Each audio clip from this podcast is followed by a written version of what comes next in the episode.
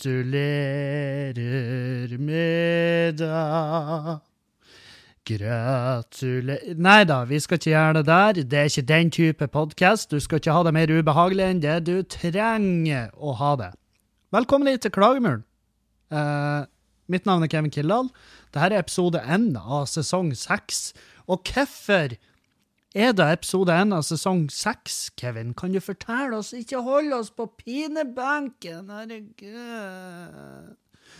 OK.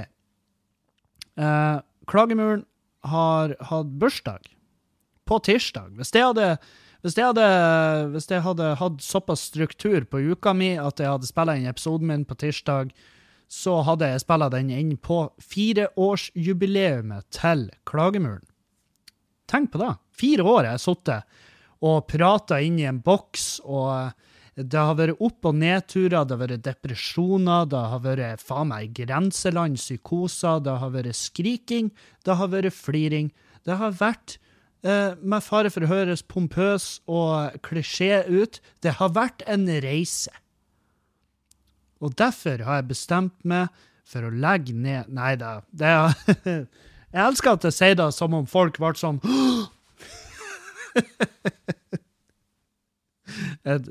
det, det, er bare sånn tegn på hvor mye jeg overpriser mitt eget produkt. Altså hvor mye jeg setter av verdi på det jeg sjøl leverer. Um, for jeg tror nemlig ikke det ble sånn i det hele Norges land når jeg hinta fram at jeg skulle legge ned podkasten, at, uh, at folk ble sånn Å, herregud! Å, å, å, nei! Hva skal vi gjøre? Å, vi må binde renta! Eller jeg vet faen.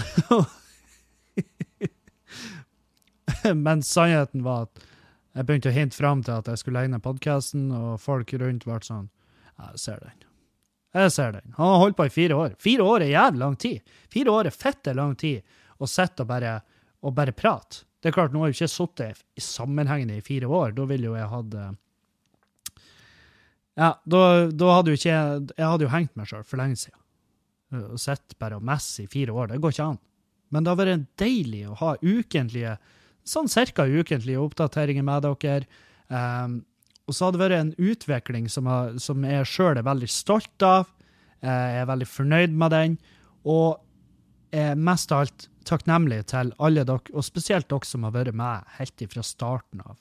Og uh, ikke, fordi at dere, ikke fordi at dere er mer verdt enn de andre, men uh, nei, altså alle som har hørt, egentlig bare hørt podkasten ifra starten av.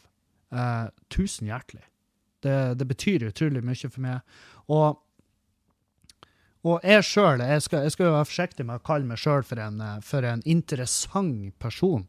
Men til en viss grad så må jeg jo være det, i og med at jeg har lyttere. Men det, det, det kan hende at mitt toneleie bare treffer dem som balsam. Og så bare liker de å ha det i bakgrunnen som, eh, ja, som en hvordan som helst sånn air humidifier eller eh, bare en katt. Sant? Uh, men ja, uansett. Nei, det har, det har vært helt fantastisk, og, og, og jeg, skal ikke, jeg, skal ikke, jeg skal ikke prate for mye om hvor interessant jeg er, men det jeg sjøl syns er interessant med podkasten, det er spesielt det her å høre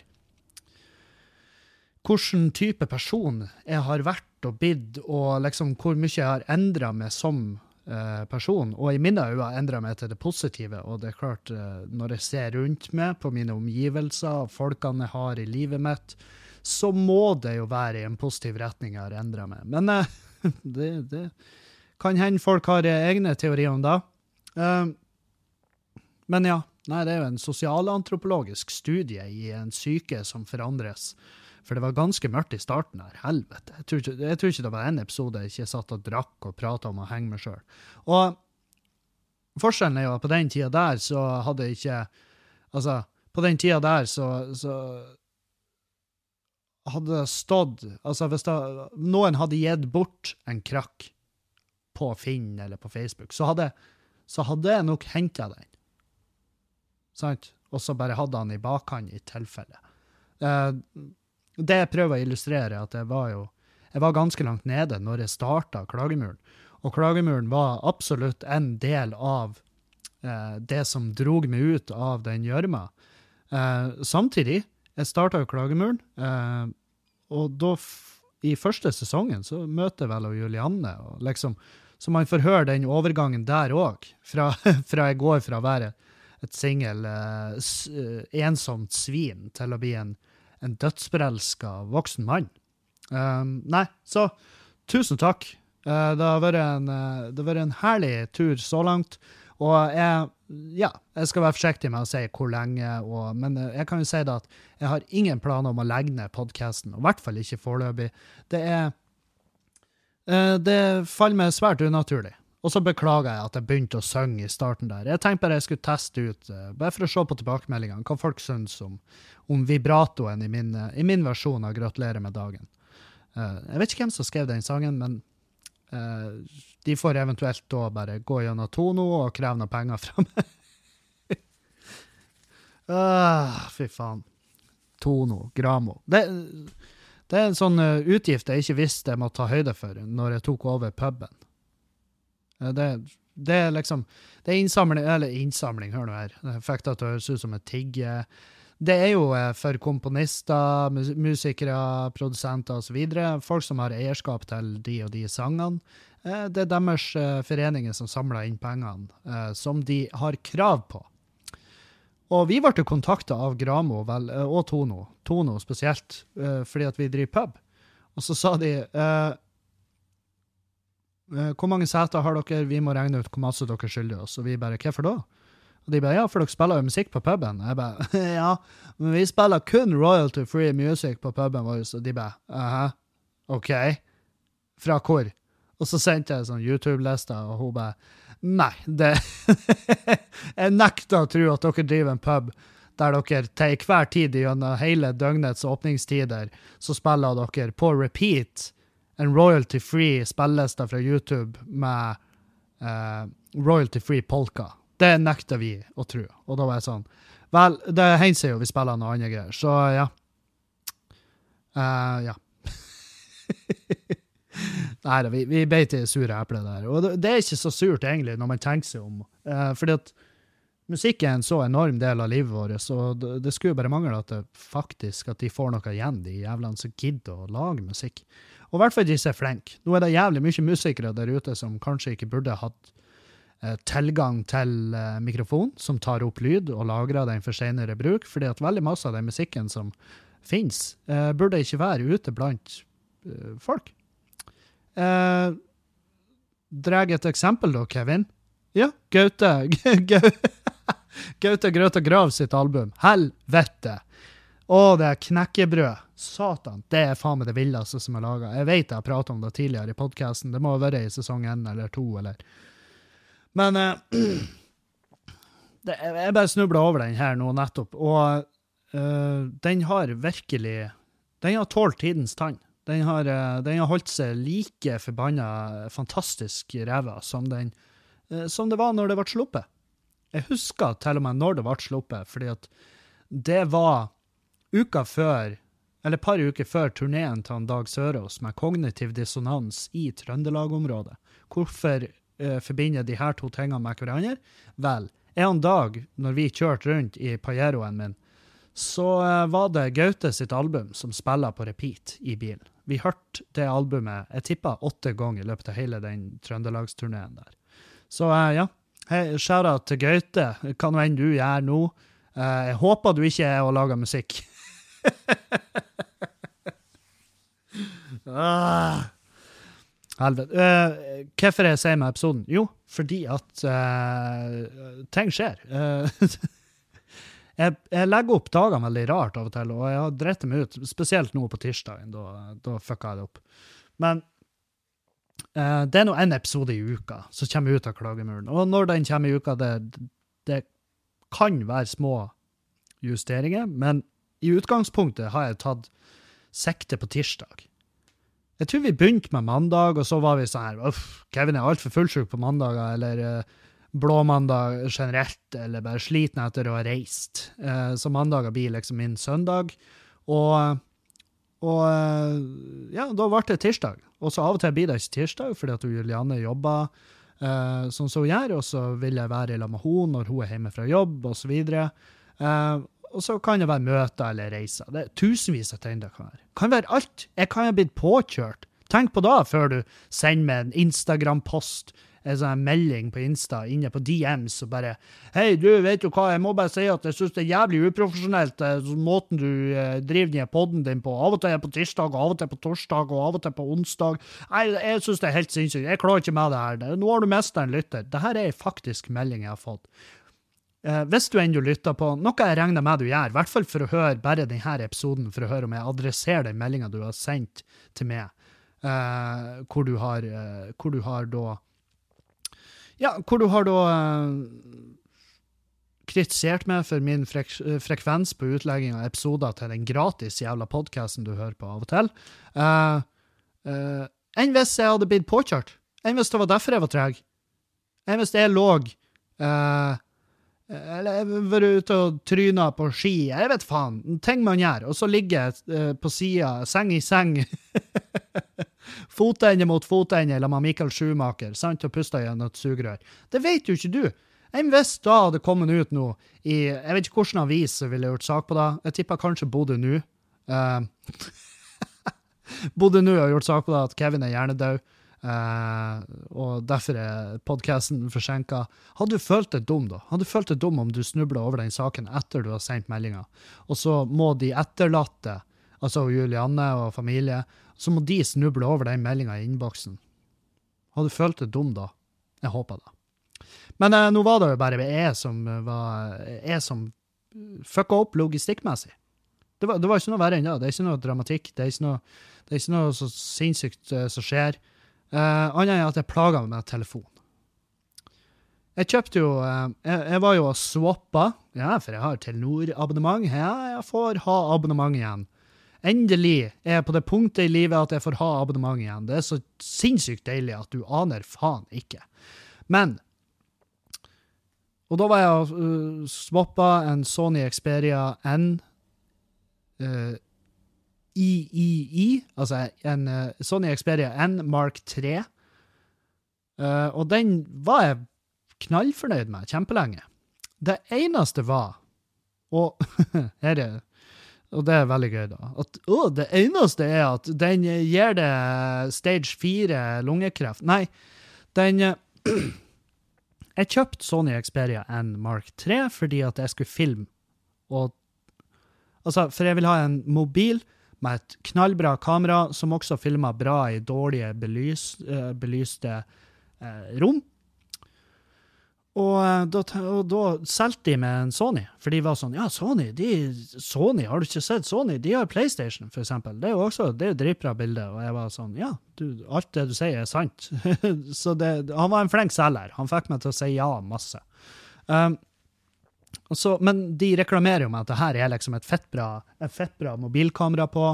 Eh, det er eh, tonnevis med Altså, den samme teknologien som Sony bruker på sitt Eh, kamera som de produserer for filmindustrien, sant, så er jo fettet solgt. Og ja, det kameraet er legit fette bra. Uh, ser fantastisk ut i filmene. Som jeg var så heldig å få filma med det kameraet, eller med den mobilen, før den ble overoppheta. Det var et problem jeg fikk. Når, med en gang jeg begynte å filme lengre snutter, som for eksempel når jeg står på scenen og gjør standup, så overoppheta han seg. Han bare stoppa film da. Men nei, han ble litt varmt. Og, og det er sånn her Vel, det er noe jeg trenger det. Eh, det. Det er noe jeg har kalt på det for å gjøre den jobben du har fått beskjed om å gjøre fra fabrikk, som er å fuckings fungere i hendene på din nye eier. Så hvis du får beskjed om å filme, ja, så filmer du. Da begynner ikke du å klage på at det er varmt. Ta av deg genseren hvis det er varmt. Helvete! Han stoppa filme midt i settet til Nå var jo ikke det Altså, det er ikke en tragedie eh, at han stoppa Det kan jo være mobilen som greip inn sjøl, for han stoppa å ta opp. Å, det her er artig. Han stoppa å ta opp midt i settet til han Benjamin Einarsen fra, fra Lofoten. Standup Lofoten. Eh, han sto i Bodø på Humorasia, og så skulle jeg ta opp setet hans, og så bare midt i. Nei takk. Mobilen bare Nei, det her er tynn suppe. Det er ikke, det er ikke verdt kilobitesen. Nei, nei da, men uansett. Um, han Benjamin vet uh, hvordan det gikk den kvelden. Vi, vi, var flere som hadde en tøff kveld. Um, men ja, den, den Hvis den ikke funker når jeg tar opp, så er det, er det jo allerede en mobil som jeg samarbeider svært dårlig med. Uh, så skulle jeg oppdatere han her om dagen. Det var vel kanskje på mandag eller tirsdag morgen. Skulle jeg oppdatere han. Og da uh, bare ble han svart i skjermen, og så sto det uh, Storage corrupt, eller noe sånt der greier. Corrupt files. Uh, this unit can't be trusted. Og det er en såpass, Du ser at det her er en såpass eh, operativsystemskjerm at jeg skjønner at å ja, mobilen min er fucked. Altså, Den er ikke bare sånn her å, jeg må ha en oppdatering. Å, du må restarte med Å, du må lade batteri. Nei, nei, den må inn. Den må inn til noen fagfolk. Uh, så jeg tok med meg mobilen bortover til, eh, til Nordbutikken på Sitt Nord, og og, og, og, der borte ble møtt av eh, for det første veldig mange folk, og en ansatt. Stakkars jævel. Uh, og jeg satt i køen der. Jeg satt i køen der i 35 minutter, og uh, det var til og med en sånn gamling som prøvde seg. Skulle snike foran meg. Og jeg, jeg, jeg bare sånn her Jeg ga han øynene. Jeg ga han bare øynene, og da satte han seg ned. Det er, første, det er første gang på lenge jeg har, jeg har sittet meg sjøl i så respekt uten å lage en lyd. Men jeg sa med øynene mine, så sa jeg til han, du, gamle far, du har kanskje, du har kanskje ett år igjen å leve. Ikke, ikke kast bort det året du har igjen med å snike foran meg i køen. Det var det jeg sa med øynene mine. Og og han satte seg ned, og jeg kom i kassen, og jeg får hjelp. Og han bare 'Å, dæven, denne mobilen er jo fett ødelagt'. Og jeg bare 'Ja, det er det jeg sier. Vi er begge profesjonelle med mobiler, tydeligvis. Uh, kan jeg jobbe her? Kan jeg begynne nå, for jeg er fette blakk?' Uh, sier han nei takk, vi ser ikke etter folk. Uh, og så Og så går han uh, Og så sier jeg til han at du, jeg, jeg, må, ha en, jeg må ha en byttemobil. Og han bare 'Ja, vi, vi har ingen'.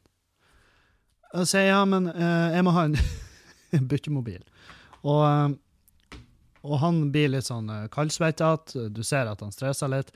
Uh, og så sier jeg at jeg drar ikke herifra uten mobil, så da må vi i så fall bare rive ut en av de nye her og ta den i bruk. For jeg, jeg vil jo uansett ikke ha den der mobilen tilbake, fordi at han kan jo ikke filme. Og det er basically det eneste jeg trenger mobilen til, det er å få uh, kunne ta bilder og film, og, uh, og uh, uten at han tar fyr. Sant? eller tar sjefsavgjørelser, som for eksempel 'Jeg gidder ikke å filme lenger'. Det, det, har ikke jeg plass til i livet mitt.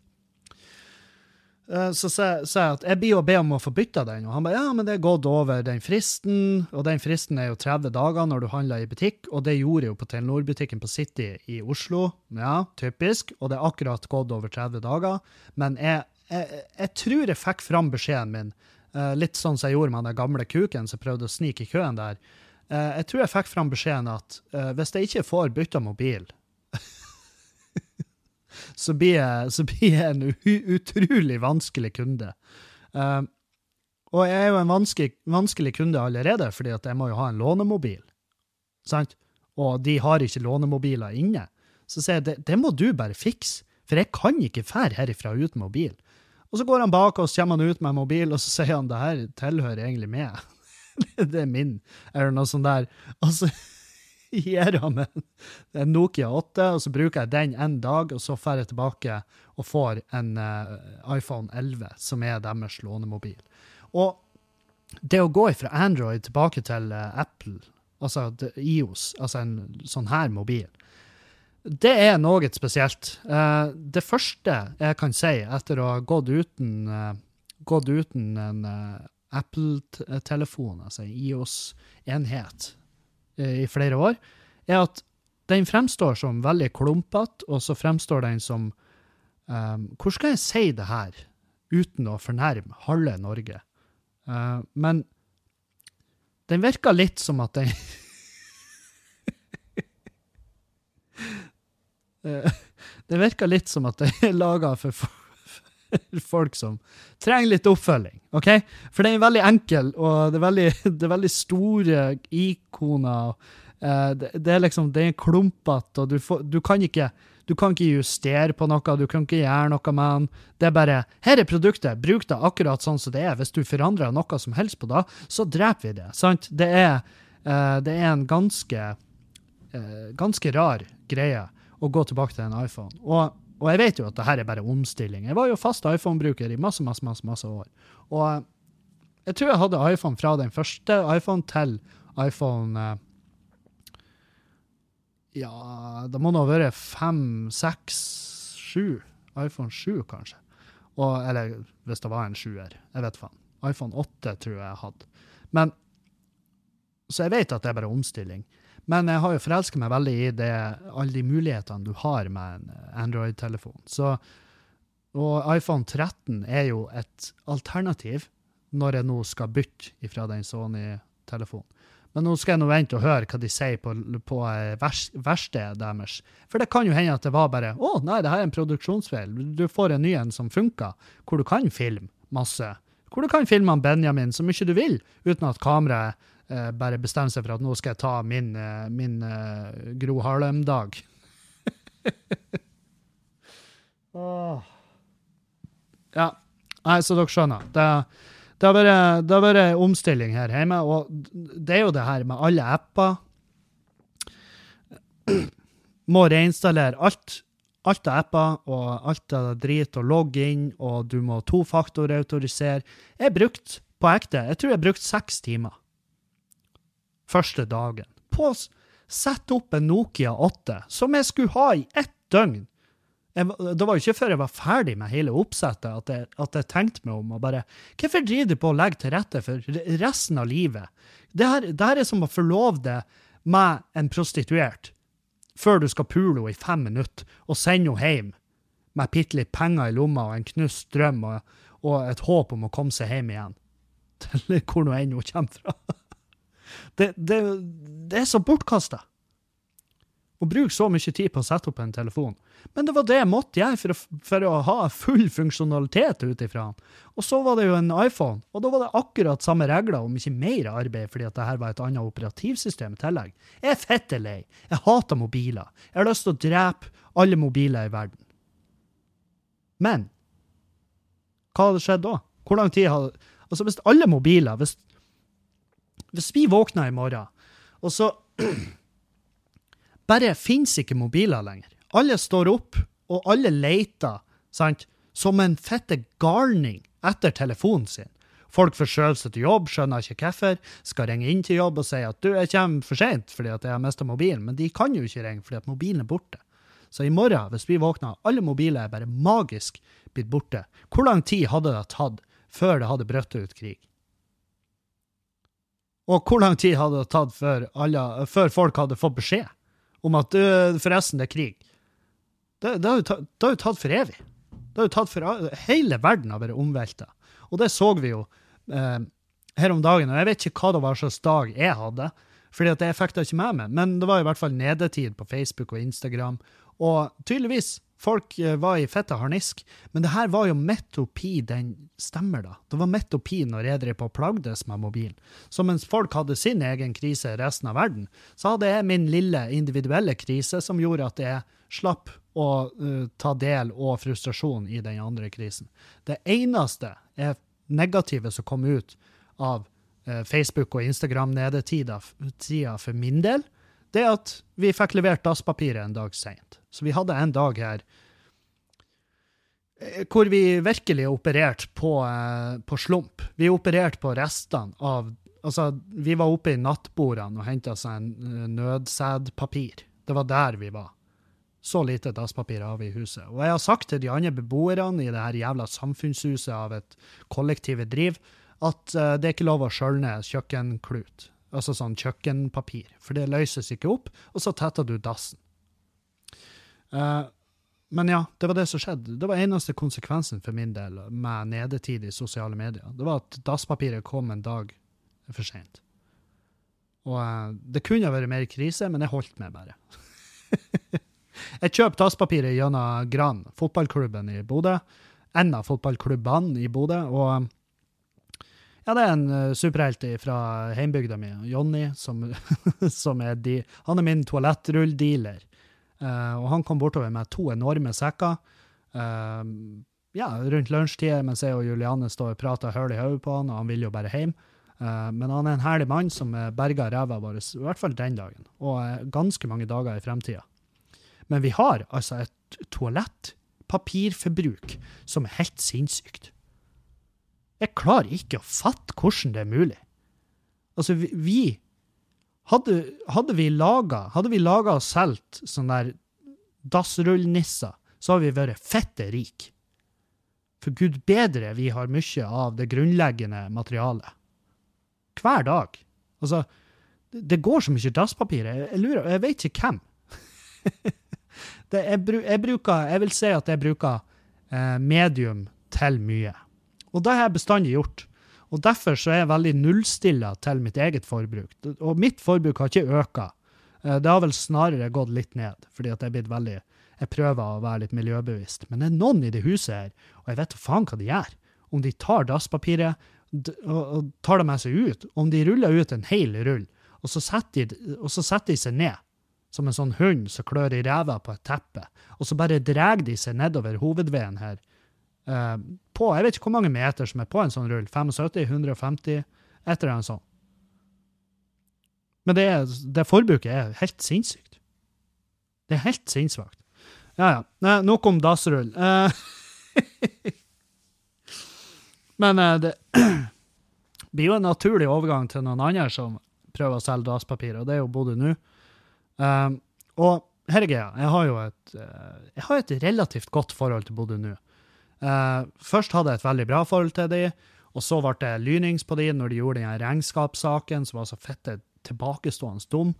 Uh, og så uh, var det god stemning igjen, og så gjorde de den saken om meg og Julianne, og at vi er poli, og at vi er i, i et inkluderende forhold, og alt det der. Og, og jeg må også få si at det var Bodø Nu som ringte meg. Det var ikke sånn at jeg ringte Bodø Nu og bare Hei, jeg og kjerringa mi, vi er horboka, du må komme utover her og se på, det er jo fette gale-Mathias her ute. Det var ikke sånn det funka. Det var de som ringte meg. Sant? De har funnet profilen vår på Fetlife, og derfor tok de kontakt med meg.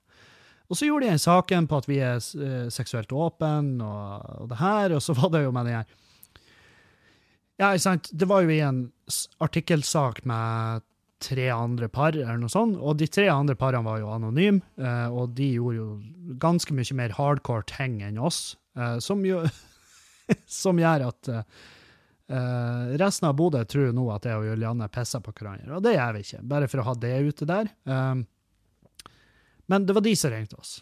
Og de gjorde en veldig fin sak. Han Preben der, veldig flink, tok bra bilder, og stilte, i mine øyne, de rette spørsmålene. Saken blir lagt ut. Eh, det blir god stemning, eh, gode tilbakemeldinger på den. Selvfølgelig mange sinnssyke tilbud og noe erigerte kuker Juliane fått. Litt forskjellig sånn, men det, det, var vi på en måte mentalt forberedt på.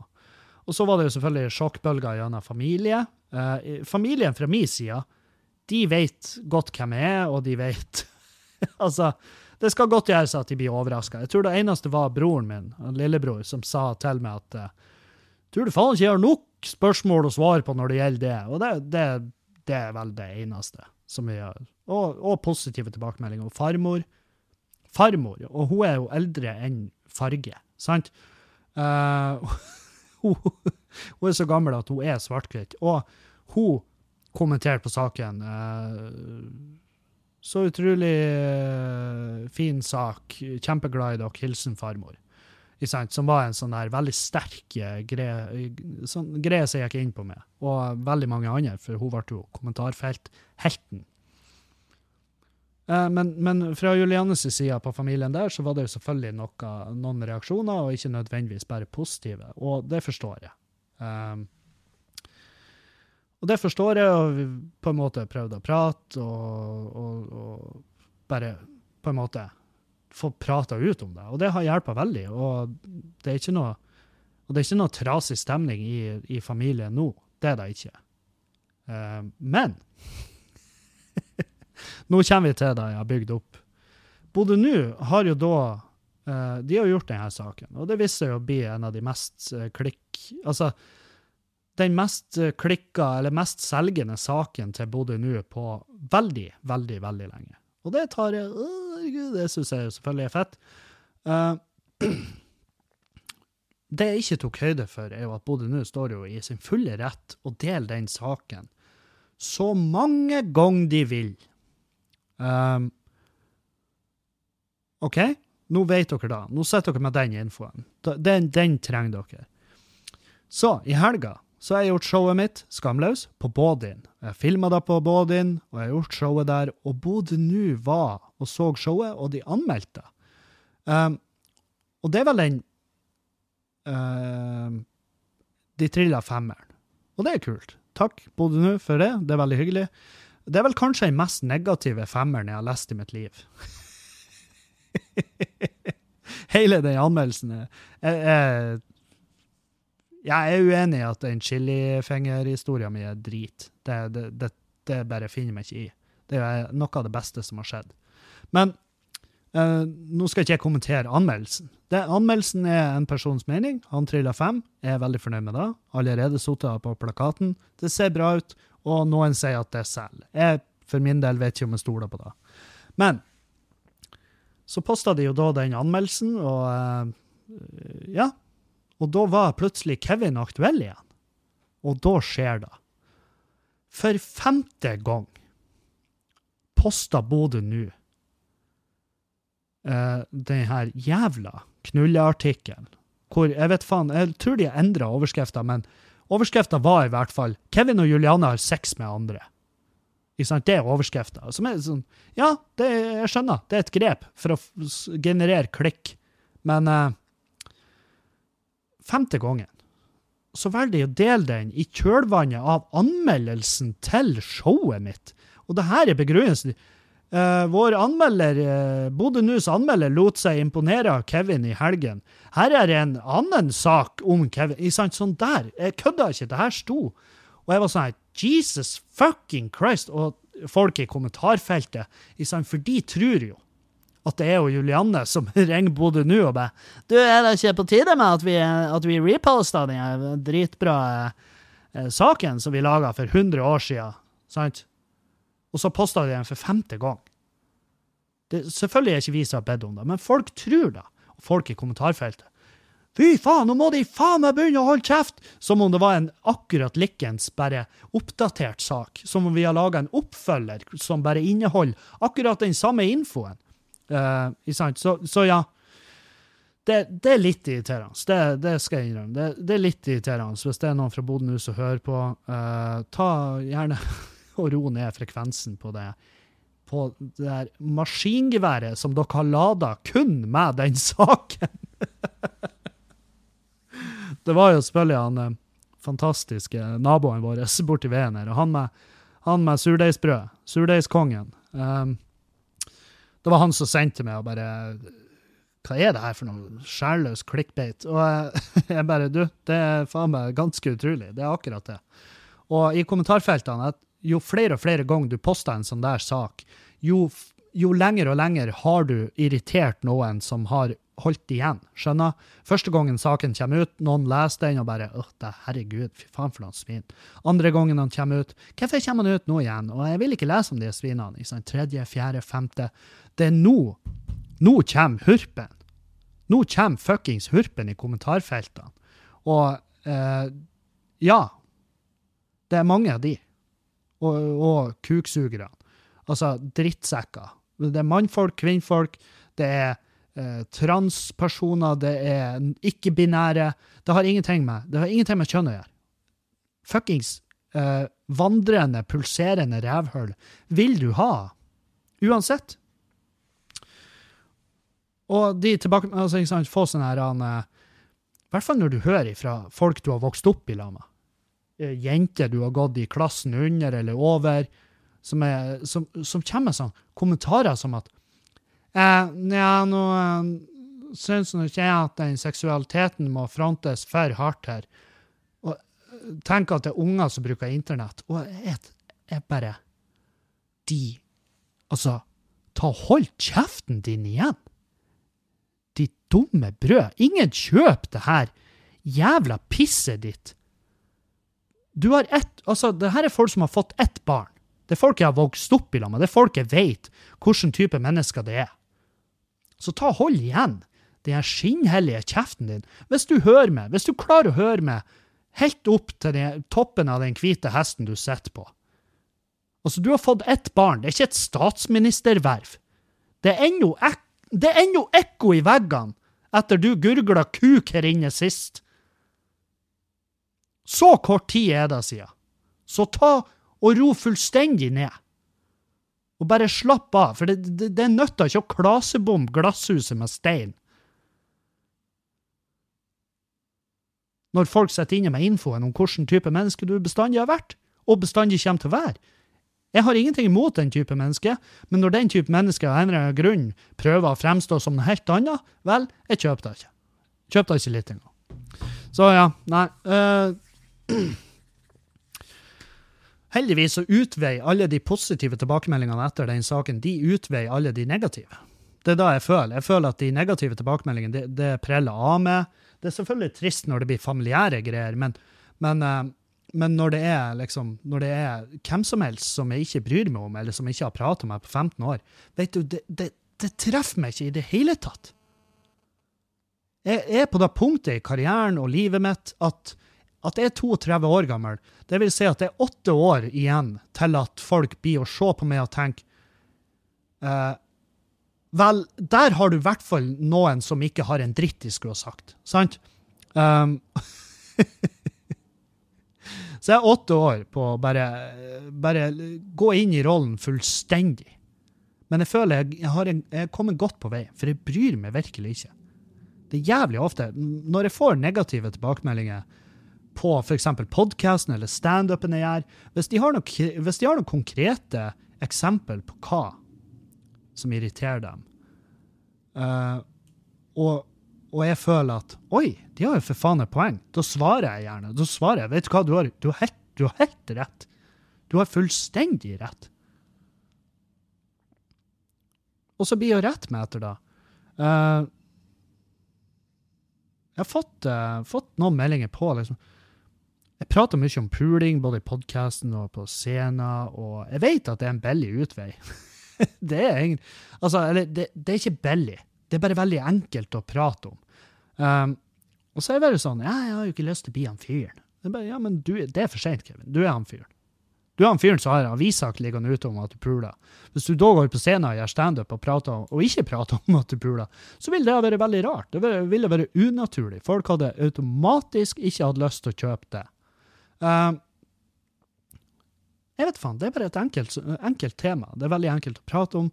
Det er veldig enkelt å få folk til å føle, føle altså kjenne seg igjen i skammen. Det er veldig enkelt å få folk til å kjenne seg igjen i, i gleden i det. Um, så ja, nei, jeg vet faen. Det er bare en av de, Kanskje en av de tingene som brukte å gå inn på, men jeg innser nå at jeg begynner å embrace det faktum at ja, Kevin er en komiker. Ja, det vet vi alle. Men Kevin er også en komiker som prater om stort sett bare piss. Sant? Jeg må slutte, jeg må slutte og det her er, no, er sjølrealisering, og det, det, er jeg som tar et oppgjør med meg sjøl live. Det her er faktisk ikke planlagt. Men jeg må slutte å jage det der og skal være og skal være han der supersmarte, interessante fyren. Og jeg, Det vet jeg jeg har sagt før, men jeg må slutte å jage det på scenen. Og heller bare omfavne det faktum at jeg er en, uh, en, uh, en uh, slitsom fyr som har masse sinnssyke historier, og lager nye sinnssyke historier etter hvert som dagen går. enten at jeg kommer på ting jeg har vært med på, eller at jeg bare er med på nye sinnssyke ting. men jeg må slutte å jage det der og skal være noe annet. For jeg må bare innse at politisk, hold det unna. Du har ikke peiling, du har ikke snøring, du har ikke det.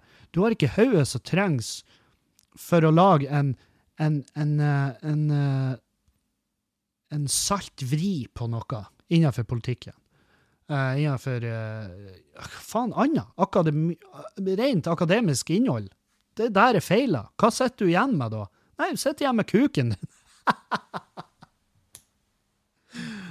Å, helvete. Men uh, Jeg jobber med ganske svære greier uh, fremover nå. Uh, og det er jo ikke bare bookinga av Skamløs uh, som har vist seg å være ikke så Det har vist seg å være akkurat så mye arbeid som jeg så for meg, men det har vist seg også å være et mye lettere arbeid enn jeg også så for meg. Jeg trodde det skulle bli vanskeligere, men folk har vært veldig kule med meg. Og jeg har jo også vært veldig åpen om at hei, jeg er tilbake, jeg gjør det her sjøl nå, jeg har ingen som hjelper meg, derfor må jeg gjøre det sjøl. Vennligst vær snill med meg. Og jeg har inntrykk av at folk eh, på kulturhusene og, og kulturpubene rundt omkring i det ganske land er snille med meg. Så, eh, så, det går bedre enn jeg trodde jeg skulle gjøre, akkurat den bookingdelen. Men vi jobber med noen svære prosjekt her i Bodø. Det er jo noe arrangement på Skubba. Uh, og så er det også med Standup Bodø. Vi skal gå i gang med studentmesterskapet i standup og det skal vi prate masse om i det sekundet jeg er ferdig med reklamen. Uh, ja, fordi at reklame må vi ha for å betale husregninger. Uh, huslån og regninger generelt. Jeg trenger penger. Her er reklame. Kos dere masse. Studentmesterskapet i standup.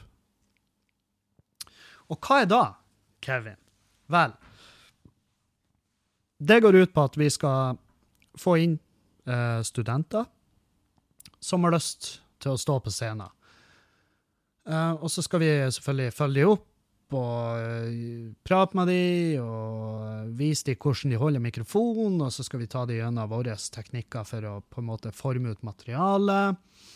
Og så, um, og så skal vi få dem opp på scenen hvor de skal konkurrere om tittelen studentmester i standup i no Bodø. jeg vet faen. vi skal finne en tittel på det, men uh, Bodøs beste standup-student. Uh, Et eller annet. Og uh, førstepremien er 20 000 norske kroner. Og det vil si at uh, altså 20 000 for en student, det er jo forskjellen på om du er Qatar, landet, og hoster fotball-VM, eller om du er en av de som bygger stadionene i Qatar før VM. Så, um, så det blir jo Jeg tipper det blir Eh, jeg håper det blir nok, at det blir en del folk som melder seg på, eh, fordi at vi trenger nykommere i miljøet i Bodø. Jeg har lyst til at standup-miljøet i Bodø skal skal, skal, øke, at det skal, bare, at det skal ekspandere, at det skal bli større, at det skal bli aktuelt for folk å, å, å prøve seg og bare gjøre standup. Og greia er at har jo, vi har jo drevet med aktiv Eh, rekruttering tidligere, og med blanda suksess. og eh, det er jo selvfølgelig en del uh, raringer òg som møter opp, og det er jo noe vi er blitt vant til, og det husker jeg fra tida mi i Trondheim. Men, men jeg tenker at hvis vi kan få to nykommere ut av det her, så er det verdt de 20 000. Hvis vi får to nykommere som har lyst til å gjøre standup, så er det verdt de 20, 20 000 som vi legger ut for det. Og samtidig, ikke, det er jo ikke en ren utgift. Vi har inntekter fra billetter, og det kommer til å bli helt supert. Og det kommer til å være en nydelig, nydelig gave til hvem nå enn som vinner den premien. Så hvis du er student i Bodø og har lyst til å prøve det på standup, meld deg på. Hvis du ikke er student i Bodø, men du har lyst til å prøve det på standup, ta kontakt med meg. Hvis du er, bare, bare ta kontakt. Um, han Uh, noen andre som blir å få 20 000, er jo uh, Overgang, Kevin. Ja, det har du jobba lenge med.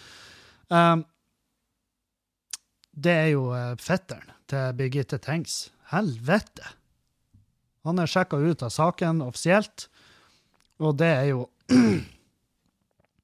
Det må jo være det mest enorme øyeblikket i, i hans liv. Eller kanskje det, det, mest enorme øyeblikket i hans liv må vel være når han ble sikta for noe han ikke har gjort. Um, og deretter dømt for noe han ikke har gjort. Og så ble han frikjent, men han må fortsatt betale oppreisning til foreldrene til Birgitte, fordi at den sivile retten var 100 sikker på at han har gjort det, og så viste det seg nå at han ikke har gjort det. Uh, og jeg vet ikke hva den sivile retten uh, ender opp med å dømme i, i dette tilfellet. At han får etterbetalt julegave siden 1997. Jeg vet ikke. For det familieforholdet der, det er jo bare å glemme. Det er faen meg det er sånn her eh, altså Det jeg har hørt, jeg vet ikke om det er sant, men det jeg har hørt, er at de liksom har bodd i nærheten av hverandre og fortsatt liksom har gjort det. Um, og de kan møte på hverandre på butikken og sånn. Og det å ha den stemninga der imellom seg, og bare ingen bestemmer seg for å fjerne seg, altså flytte, det er ganske sinnssykt. Uh, men jeg, nå vet jeg om det er sant. Nå, vet, nå, tar jeg Jeg holder muligheten åpen for at det kanskje ikke er det. Uh, men helvete heller. Det å ha blitt anklaga for det der, og så hadde de vært så overbevist om at det var han i alle de år. Uh, og de har sjøl sagt at det, det, er jo ingenting som kan reparere det her. Men det å gå så lenge dømt for noe på bygda um, og så kommer det ut at det, det, vi tok feil hele veien. Uh, vi må, ja, forresten, folkens, det der, det, stemte ikke. Ja, Så hvis dere kan oppføre dere deretter, sant? Det er for seint. Det, det, er for mange bruer som er brent. Det er et liv som er ødelagt. Han, jeg, jeg, kan ikke sette egentlig penger på Jeg kan ikke sette en sum på hvor mye han burde vært tilkjent etter det her eh, jævla justisdrapet som har vært gjort. Men, eh, men ja. Jeg håper i hvert fall han får de Jeg håper på ekte han får de julegavene han, har, han skulle, egentlig skulle ha mottatt fra Tengs sin familie. Jeg håper de har bare satt alle de julegavene til sides siden 1997, og så får han de nå. Eh, det, det, er noe, det er virkelig det minste han kan be om. Det og kanskje en tidsmaskin, så vi kan reise tilbake og ikke ødelegge det livet. Hvis han hadde en tidsmaskin Uh, tror dere han har reist tilbake til den dagen han ble uh, sikta, eller tror dere han har tenkt seg litt mer om, og så har han reist tilbake til den dagen hun ble drept, og, og eh, sørga for at det aldri skjedde? Ja, det er noe å tenke på. En liten, uh, en liten hjernenøtt der.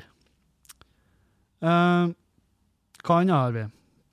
Jeg må jo prate litt om Bådin og Bådin-showet. Eh, dere hører at jeg sitter og kremter litt, men det, det er et eller annet. Um, og jeg har ikke vondt i halsen, det er ikke noe sånn. Det er bare helt øverst i uh, baksida av svelget så kjennes det ut som det klør litt. Så jeg sitter sånn Prøver å unngå da, men av og til så får jeg sånn der, uh, sånn, der uh, sånn ekkel stemme. Du vet når du, når du har en sånn høne i halsen når jeg får sånn, det, gans, det, høres ganske jævlig ut. Så jeg prøver bare å unngå å skjære ut i en sånn. Som, jeg lurer på om det her er bare stemmeskifte for, for folk som er i 30-årene, når kroppen offisielt er begynt å bryte seg sjøl ned og forfalle, i stedet for å utvikle seg og være en bra plass, så er det begynt å, å bygges ned, sånn som Sunny Beach i Bulgaria. Sant? Så, nei, så jeg, prøver, jeg prøver å unngå det. Jeg prøver virkelig på alt, Med alt jeg har, så prøver jeg å unngå det. Uh, nei, på uh, I forrige uke, på fredag, så, så var det jo dags uh, for, for Skamløs på Bådin. Og, og jeg hadde jo det var, det var, litt prepping, og jeg, jeg tok alt av rigg sjøl. Jeg satte opp scener, jeg satte opp anlegget. Ja, jeg gjorde alt sjøl. Og Grunnen til at jeg satte opp det showet på Bodin, var jo at jeg skulle få det filma. Det var på tide å få filma Skamløs. Uh, jeg har jo filma det en gang på John D, og jeg er ikke helt fornøyd med den videoen. Så jeg har lyst til å filme det en plass til. Uh, og så kan vi eventuelt slå sammen videoene, eller noe sånt.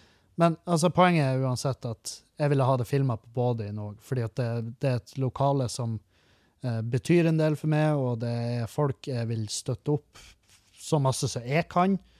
og da er det jeg kan bidra med, det er liksom at folk får vite om de via meg, og også at de får logoen ut der. Og, og det er jo en dritbra backdrop til et soloshow. Det er jo de ståltankene og det bryggeriutstyret. Det er jo helt fantastisk.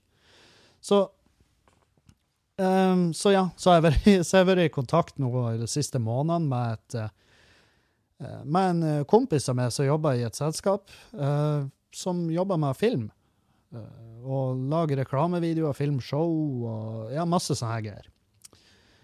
Et proft firma som han jobber i. Og så spurte jeg kan dere hjelpe meg å få filma showet, og han ba ja, ja, det her fikser vi. Ikke tenk på det. Det her, det her fikser vi. Når er det? Og så sier jeg ja, første, 1. oktober på Bodøen, og så fikk jeg og så har jeg fulgt opp det her underveis, men jeg har syntes det har vært jævlig stille i det siste. Uh, og så fikk jeg liksom den endelige meldinga uh, to dager før at uh, du, vi har ikke folk, så vi kan ikke hjelpe deg. Og da uh, frika jeg fullstendig ut. Da Det bare spør jo Julianne. For hun var her hjemme når jeg fikk den beskjeden, og jeg klikka. Det var altså Det er bantes, og jeg Altså, jeg jeg er så glad jeg ikke har et TV-crew rundt meg som hadde fått det der på film. For jeg hadde, jeg, jeg hadde faen meg Jeg hadde havna i fengsel for de tingene jeg sa. Og Ja, og jeg selvfølgelig lovpriser jo ikke akkurat det her nevnte firmaet osv., men jeg, nå når støvet har lagt seg, sant, så er det sånn Ja, nei, greit, det var ikke kult. Og det er jo åpenbart at det blir jo ikke brukt det her firmaet. Og det, og det, er noe greit. Det blir ikke de å merke på regnskapet sitt, fordi at det er en blakk jævel. Og det går ikke utover meg. Det eneste som kom ut av da, det var at jeg kontakta noen andre folk i Bodø, og jeg fikk hjelp fra Kontrafei Media. Så hele episoden her, hele denne episoden, hele mitt liv, er dedikert til dere i Kontrafei Media. Tusen hjertelig takk. Og de kan jeg allerede nå. Jeg har ikke sett det ferdige videoresultatet, uh, men jeg kan allerede nå si at jeg er jævlig fornøyd med dem. Så uh, hvis, du skal, hvis, du skal, filme noe, hvis du skal ha en liten reklamevideo fra butikken din eller frisørsalongen din, eller du vil ha bilder eller videoer fra bryllupet ditt, eller en eller annen 60-årsdag, et eller annet ekstra, bare ta kontakt med de. For de er, de er, jævlig kule folk, så de kan jeg med hånda på hjertet anbefale allerede nå. Og hvis den videoen fra Skamløs på Bådin ikke blir jævlig kul, så er det min feil. Da er det pga. det produktet jeg har levert, at det ikke står i stil til videoen. Skjønner? Så eh, ja. Det er Det er, mener jeg på ekte. Men eh, så, så, gjorde jeg jo showet der, og eh, det var Det var russent. Jeg, sett, jeg merker at det, det sitter ikke like godt, det stoffet. Men jeg tror ikke publikum nødvendigvis merker så mye til det. Jeg tror kunstpausene mine av og til blir litt uh, At de blir akkurat litt for lange. Men det er når hodet mitt bare jobber. og Det er som om jeg tar ut en diskett og setter inn en ny en mens jeg installerer gamle Windows. Sant? Uh, det er bare jeg som driver på å sette inn en ny diskett med en ny vits. Så men eh, publikum var fornøyd, og det var god stemning. Og jeg hadde en prat etter det showet der med en som hadde kjørt ifra Trondheim for å se det. Eh, jeg vet ikke om han var der ens ærend. Han skulle sikkert ha handlet seg en Saab òg, men uh, Men han var altså faen meg Det var en bra dude. Og det var en veldig hyggelig fyr. Og han hadde altså så uh, Han gikk i skrikinga og fortalte uh, liksom, hvor mye podkasten har betydd for han, osv. Og, og eh, det her er ikke bare for å blå, blåse røyk opp i min egen ræv, men det er også for, for, å bare si at jeg setter pris på det. Jeg, jeg setter på ekte pris på det. Og det er han vi sto og snufsa i lag, og, og det var et jævlig sånn, et jævlig sterkt øyeblikk, og kanskje et av de sterkere øyeblikkene som har eh, som har på en måte satt seg veldig på, eh, på, min, på mitt minne, på min kjærlighet for folk uh, som faktisk av, og til eksisterer. Det er ikke bare misantropi her og at det er unna alle å dø. Det, det, det hender seg at jeg ikke hater folk òg. Og akkurat der og da så gjorde jeg ikke det. Jeg hata litt de som sa på første rad og prata. Og de prata akkurat lavt nok til at jeg vet at det var kun de og meg som hørte. Så jeg gadd ikke begynne å arrestere dem midt i filminga av mitt eget show. Men jeg sendte han ene et sånt blikk at jeg tror han frykta litt for livet til familien sin der. Men men eh, jeg har blitt overraska før over hvor lite folk forstår, så det sier jeg egentlig ikke noe på. Uh, nei, så dagen etter så var det jo uh, Da for jeg bortover på Bådøyen, og så rigga jeg ned alt, og så heiv jeg det i bilen, og så kjørte jeg tilbake til Intune. Takk til Intune, som hjelper meg, som de bestandig gjør. Faen, for et herlig gjeng. Uh, og Intune leverer lyd og lys, hvis noen lurer på det. Så jeg pakka ned skitten der, så var det bare å hoppe rett i bilen og kjøre til Fauske for å gjøre showet mitt på Fauske kino. Og Fauske kino, her er Gud. Jeg har aldri hatt så angst for et show Eller jo, det har jeg, men eh, det er lenge siden. Og det var ikke en, var ikke en følelse jeg har savna. Fordi at to dager før show så var det vel solgt 18 billetter. Uh, som vil si at jeg gikk jo mot et dundrende underskudd. Så Fauske-showet lå veldig an til å bli avlyst. Men på dagtid før show så hadde det solgt 80, eller noe sånt. Og, uh, som gjorde at showet ble gjennomførbart. Fordi at det, det det jeg setter som en sånn her jeg, jeg, vil helst ikke reise en plass og ta penger. Og det er veldig kjipt å kjøre til Fauske og fortsatt ta penger. For det burde ikke være en så jævla heftig utgift fra før av. Men det er klart, kulturhusene og kinoene, alle de her har utgifter. De har husleier, de har folk på arbeid, de har lydteknikere, de har eh, slitasje på huset. De må ha penger, de òg, sant? Og det sier ingenting på. Uh, men det jeg sier noe på, er at folk må faen, de må kjøpe billetter på forhånd. Vær så snill. Spesielt dere i Meløy. Fordi at Og jeg har nettopp gjort et intervju i avisa i Meløy om showet mitt der, og jeg har sagt at jeg, jeg satser ikke på utsolgt. Det har vært, selvfølgelig hadde vært helt sinnssykt å kunne si endelig at jeg har solgt ut mitt eget kulturhus, men her er greia. Uh, det eneste nå er det viktigste her. Det er ikke da at jeg sover dårlig, og at jeg har angst og føler meg mindreverdig, og jeg føler meg ikke verdig i Meløy og alt det her. Drit i det. Drit i det. Fuck, fuck han Kevin, fuck hans psykiske helse, fuck søvnen hans, fuck karrieren hans. Hvem faen tror han Kevin han er, som kan bare sette opp et show på Kulturhuset i Meløy og komme hjem og gjøre det showet? Hvem faen tror han? Tror han han er bedre enn oss? Fuck han. Fuck da. Drit i alt det der. Det er ikke grunnen til at dere skal kjøpe billett på forhånd. Grunnen til at dere skal kjøpe billett på forhånd til showet i Meløy, er at hvis ikke vi får mange nok til å kjøpe billett på forhånd, så får ikke vi ølsalg. og nå tenker jeg det ble fart i Meløy. Nei, det er sånn at uh, vi, vi, For det må søkes om bevilling, og det, det er et helvetes arbeid for å få solgt øl på Kulturhuset i Meløy. For det er tydeligvis ikke omfattet av det som er å være kultur. Men jeg skjønner, de har ikke ei fast bevilling på huset der. Så uh, hvis vi skal få ølsalg på showet, så må dere kjøpe billetter på forhånd, fordi at uh, Bådin blir ikke å være med, med til Meløy hvis at det er solgt bare 50 billetter, for da vil de ta penger på å være med og selge øl der. Så, um, så hvis vi skal ha ølsalg på det showet, noe jeg har jævlig lyst til, så må vi kjøpe billetter på forhånd. Og kjøpe billetter på forhånd hvis vi vil ha et artig show, hvis vi vil ha en Kevin i godt humør. Hvis vi unner Kevin ti minutter. Jeg for hver billett jeg selger i Meløy på forhånd, så skal jeg sove ti minutter lenger. Åh, sånn, eh, deilig å være tilbake i sånn, i sånn skikkelig sjeleløs eh, promotering. Sånn skikkelig sjeleløs promotering. Men eh, det, det, det, det, gjør meg ingenting, så lenge det funker. Um, apropos uh, Apropos sjelløs promotering.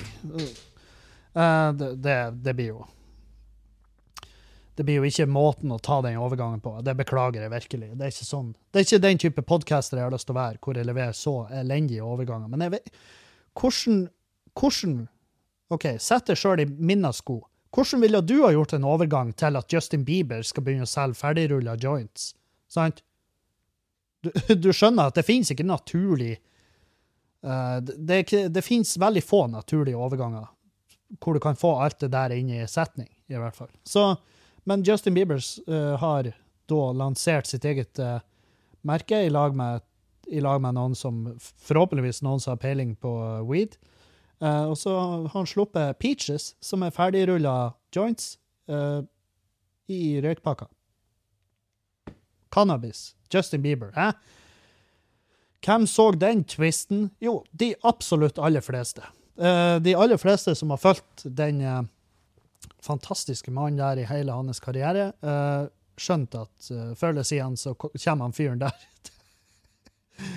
til å gå på noen smeller. Og det har han gjort. Han går på masse smeller, og jeg syns han har takla de veldig bra. Jeg syns han har pulla de off. den rareste smellen må jo være flåttbitt, eller altså borreliose, var ikke det han hadde? Han ble så forbanna dårlig. Han så, ut, altså, han så seriøst ut som han var på tur å dø. Han så ut som han eh, Bjørn Sundquist gjør nå. sant? Bare helvete. Det var tidlig å bli så utbrent av karrieren din. Men, uh, men han fyren her Og det her mener jeg. Når han kom, så hata jeg han. Hata Justin Bieber. Som alle gutter på min alder når han kom. Det var for pusete musikk. Den satt ikke i det hele tatt. Likte ikke karakteren. Uh, bare kjøpte han ikke. Jeg synes ikke det, det var ikke for meg. Noe av det.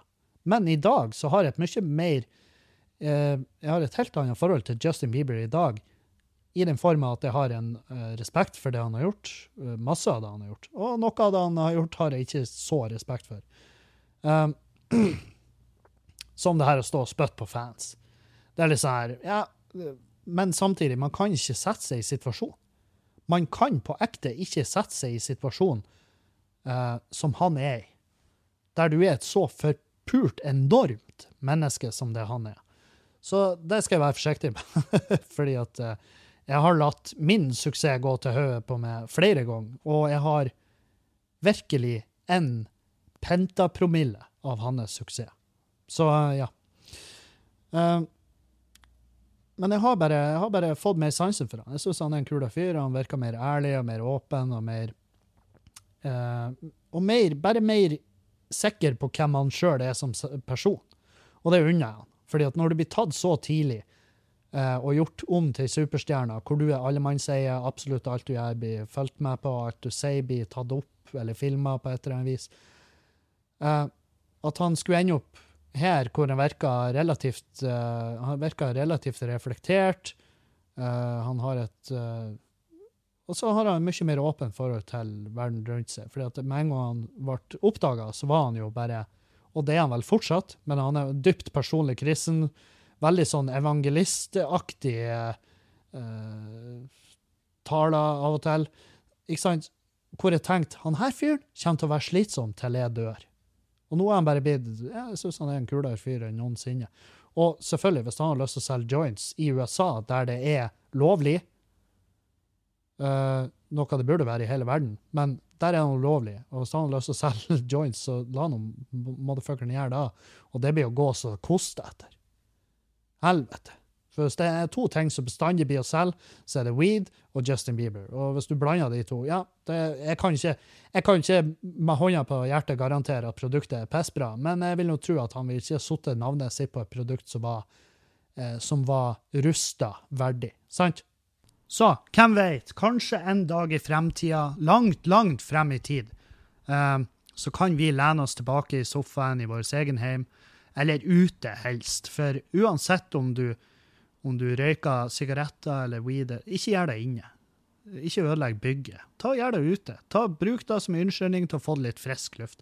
Men hvem vet, kanskje en dag kan vi lene oss tilbake i Norge med en Justin Bieber joint i munnen mens vi diskuterer store saker som eh, landsøkonomi og, og eldreomsorg og hvorvidt eh, sjaman Durek er firfisla. Sånne svære tema. Ai, ai, ai. Uh, neste uke skal jeg til Stavanger. Kjøp billetter til da, vær så snill. Uh, jeg, merker at jeg sier veldig mye 'vær så snill' når det er snakk om billetter. Men jeg, jeg har bare, grunnen til at jeg gjør det, er fordi at jeg, jeg merker at uh, folk kjøper ikke billetter som faen. Det gjør de ikke. Det er ikke sånn at med en gang eh, samfunnet åpner igjen, så eh, åpner slusene. Det, det har jeg ikke oppdaga nå. Jeg har ikke sett noe av den effekten. Han Dag sendte meg en undersøkelse som var gjort av noen som har peiling. Eh, tippa Statistisk sentralbyrå eller noe sånt. Og de hadde funnet ut at 96% av de de har spurt, vegrer seg for å kjøpe billetter til et kulturarrangement, sjøl om Norge åpner igjen. Så ja, det, vi er ikke helt i mål, men vi skal, vi skal nå det. Eh, nå skal jeg fortelle dere at i neste uke så står jeg i Stavanger. Jeg står i Stavanger. Eh, torsdag den 14. står jeg på Mellombels. Eh, det er der han er fyren med den fantastiske sveisen er. Eh, og så står jeg på fredagen på Folken. Det blir fette rått. Jeg elsker Folken. Jeg elsker Mellombels òg. Og standup på Sandnes Brygge på Sandnes. Og det er også et jævlig fett lokale. Jeg håper bare de har fått det bedre backstage enn første gangen jeg var der. For det skal jeg fortelle dere, at Stavanger det er en av de første plassene jeg ble booka til utafor Trondheim når jeg begynte å gjøre standup. Som nykommer. så var så ble det booka på Comedy Box uh, Tau Mazing, en standup-festival på Tau scene i uh, Stavanger. Og der var virkelig standup overalt. Der var jeg satt opp til å gjøre en klubbspot på dass. Det, det her er ikke kødd. Jeg gjorde standup stående oppe på et toalett i ti minutter for en festival som varer i tre dager. Og det er greit, jeg var helt i startgropa, jeg var en horribel komiker. Jeg hørte hjemme på dass. Men en annen eh, spot jeg også fikk, det var på den, norske, eller på den norske humorfestivalen i Stavanger. Og det var noen år før der.